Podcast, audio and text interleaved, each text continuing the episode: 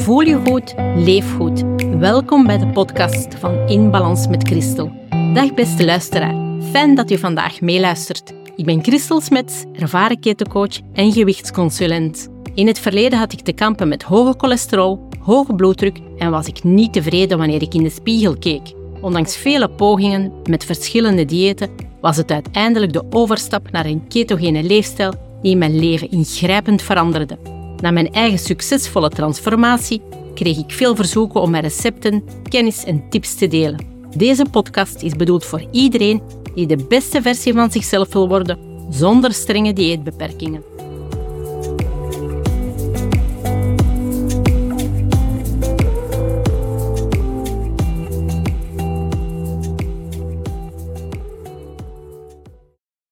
Spannend vind ik het zeker en vast zo de eerste episode van mijn eigen podcast opnemen. Maar kijk, hier ben ik dan en om van wal te steken vind ik dat ik mezelf maar eens moet voorstellen wie ik ben en waarom ik doe wat ik doe. Zoals u al kon horen ben ik dus Christel Smits, ondertussen ervaren ketocoach en naarstig bezig met een studie van gewichtsconsulent met een aanvulling anatomie en pathologie. Waarom doe ik dat? Dat is om de gezondheidsproblemen die mensen van mijn leeftijd, ik ben ondertussen een vijftiger, kunnen krijgen door verkeerde voedingsgewoontes, of ja, een andere problematiek. Niet omdat ik uh, een soort van dokter zou willen worden, helemaal niet. Ik ben niet medisch geschoold, dat moet iedereen weten. En als u eender welke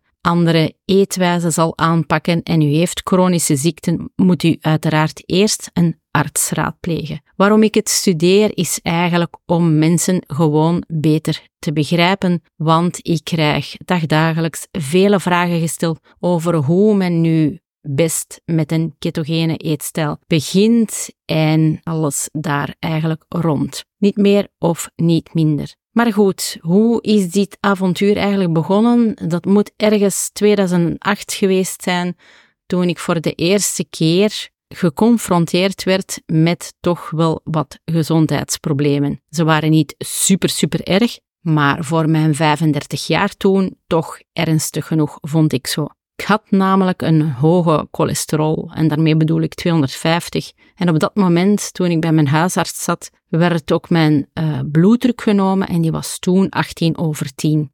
Nu zou je kunnen zeggen, misschien was je wat zenuwachtig, maar vooral de onderdruk, die 10, baarde mijn huisarts terecht ook wel zorgen. En ja, daar zat ik dan. Ik sportte eigenlijk vrij veel in de zin van joggen. Wij deden hier regelmatig urban trails, dat zijn loopwedstrijden. We waren toen al zelfstandige ondernemers en ja, wij werkten hard en ik worstelde ook met wat kilootjes te veel, vond ik zelf toen.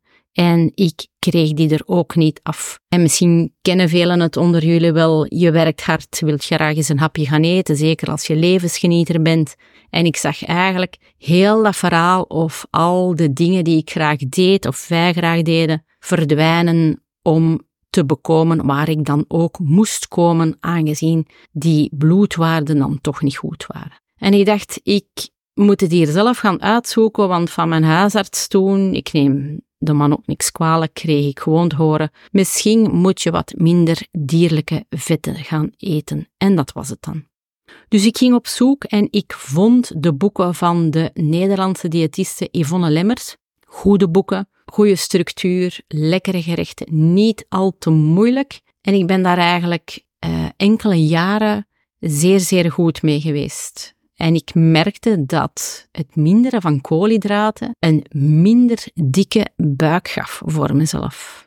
Ik werd daar zo gelukkig van, want ik was daar al jaren mee bezig. Uh, het irriteerde mij. Ik vond dat niet mooi bij mezelf. Je kent het wel, als je in de spiegel kijkt, dan heb je een bepaald beeld. Uh, dat is voor iedereen anders. En bij mij was dat die buik. En voor het eerst verminderde die buik. Dus ik heb dat een paar jaar gevolgd maar ik miste iets, een beetje een verzadigd gevoel. En ik wist eigenlijk niet zo goed wat ik daar moest mee doen. Dus herviel ik af en toe in koolhydraatrijke maaltijden, zoals uh, een grote kom spaghetti of uh, ik stortte me al wel eens op de koekjes. Ik had dan dadelijk ook weer spijt, want wat er dan gebeurde is dat mijn bloedsuikerspiegel terug de hoogte inschoot. Dat geeft eventjes een energiepiek om dan snel daarna naar een soort van laagte te gaan waar ik nu niet bepaald gelukkig van werd. Dus die hongeraanvallen kwamen dan meteen ook weer terug. Dus ik zocht verder en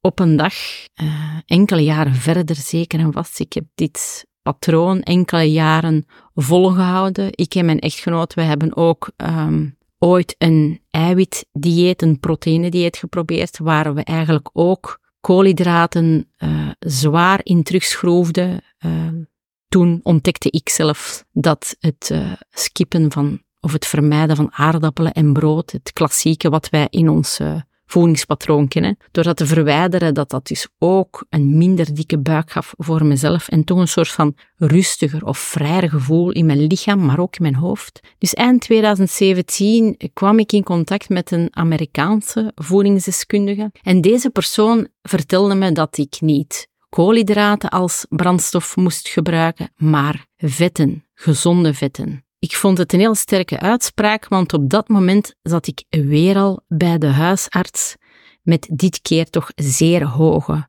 verkeerde cholesterolwaarden. Van die aard dat er mij zelfs werd geadviseerd om medicatie te nemen. Maar ik vond mezelf te jong en het idee om elke dag afhankelijk te zijn van medicatie schrikte mij af. Dat was een persoonlijk gevoel en ik wou voor een laatste keer nog eens iets uitproberen. En ik dacht, ik ga dat ketogeen dieet een kans geven, want in zekere zin maakte het ook wel een indruk op mij en, en voelde het zeer logisch aan. Mijn huisarts was er helemaal niet mee opgezet en vertelde mij: Het is op uw eigen verantwoordelijkheid. Uh, vetten lijkt me geen goed plan, aangezien uw cholesterolwaarde. En ik vertelde van: Goh, ik wil het toch wel eens proberen en we zien wel waar ik uitkom. Wat ik opmerkte, en dat was het mooiste of het, het meest leuke gevoel van allemaal, is de evenwichtigheid in mijn hoofd, de vrijheid die het met zich meebracht. Het is moeilijk om uit te leggen. Ik had toen de diagnose HSP gekregen, hoogsensitiviteit, waardoor ik hoge pieken en zeer lage dalen had. En eigenlijk het terugschroeven of het zwaar terugschroeven van koolhydraten en is ook suikers maakte dat mijn bloedsuikerspiegel niet meer zo fluctueerde en een soort van rust gaf ook in mijn lichaam en geest. Die hongeraanvallen die verdwenen, mijn energie bleef een soort van gematigd doorheen de dag. Dat was best wel leuk.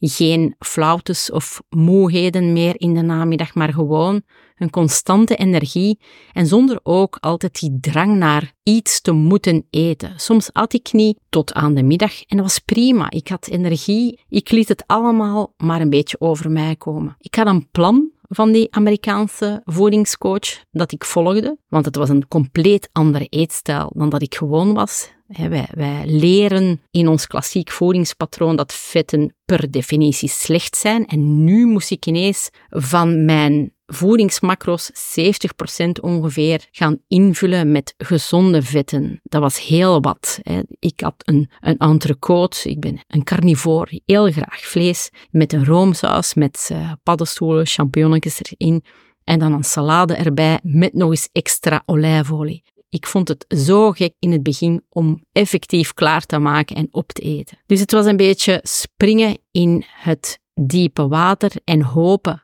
dat ik zou komen bovendrijven. Het was onbekende materie voor mij. Ik kan u zeggen dat ik de 10 kilo die ik er terug had aangegeten er in vier weken af waren ik nog altijd de rust in mijn hoofd had, geen hongeraanvallen meer had. En op zes maanden tijd heb ik mijn cholesterolwaarde van 280 naar 180 gekregen. Had ik een mooie bloeddruk van 12 over 8 en een veel lagere hartslag. Ongelooflijk, maar waar. De vetrolletjes die ik als vrouw had rond mijn middel, op mijn dijen, uh, aan de buik ook, die waren verdwenen als sneeuw voor de zon. Ik kon het zelf amper geloven. En eigenlijk was het dan ook weer logisch, want als je gezonde vetten als brandstof gebruikt, dan leer je jouw lichaam om die vetten te verbruiken En dan zullen eigenlijk al die vetrolletjes als het ware worden opgekrabbeld, opgesoupeerd door jouw lichaam als energiebron.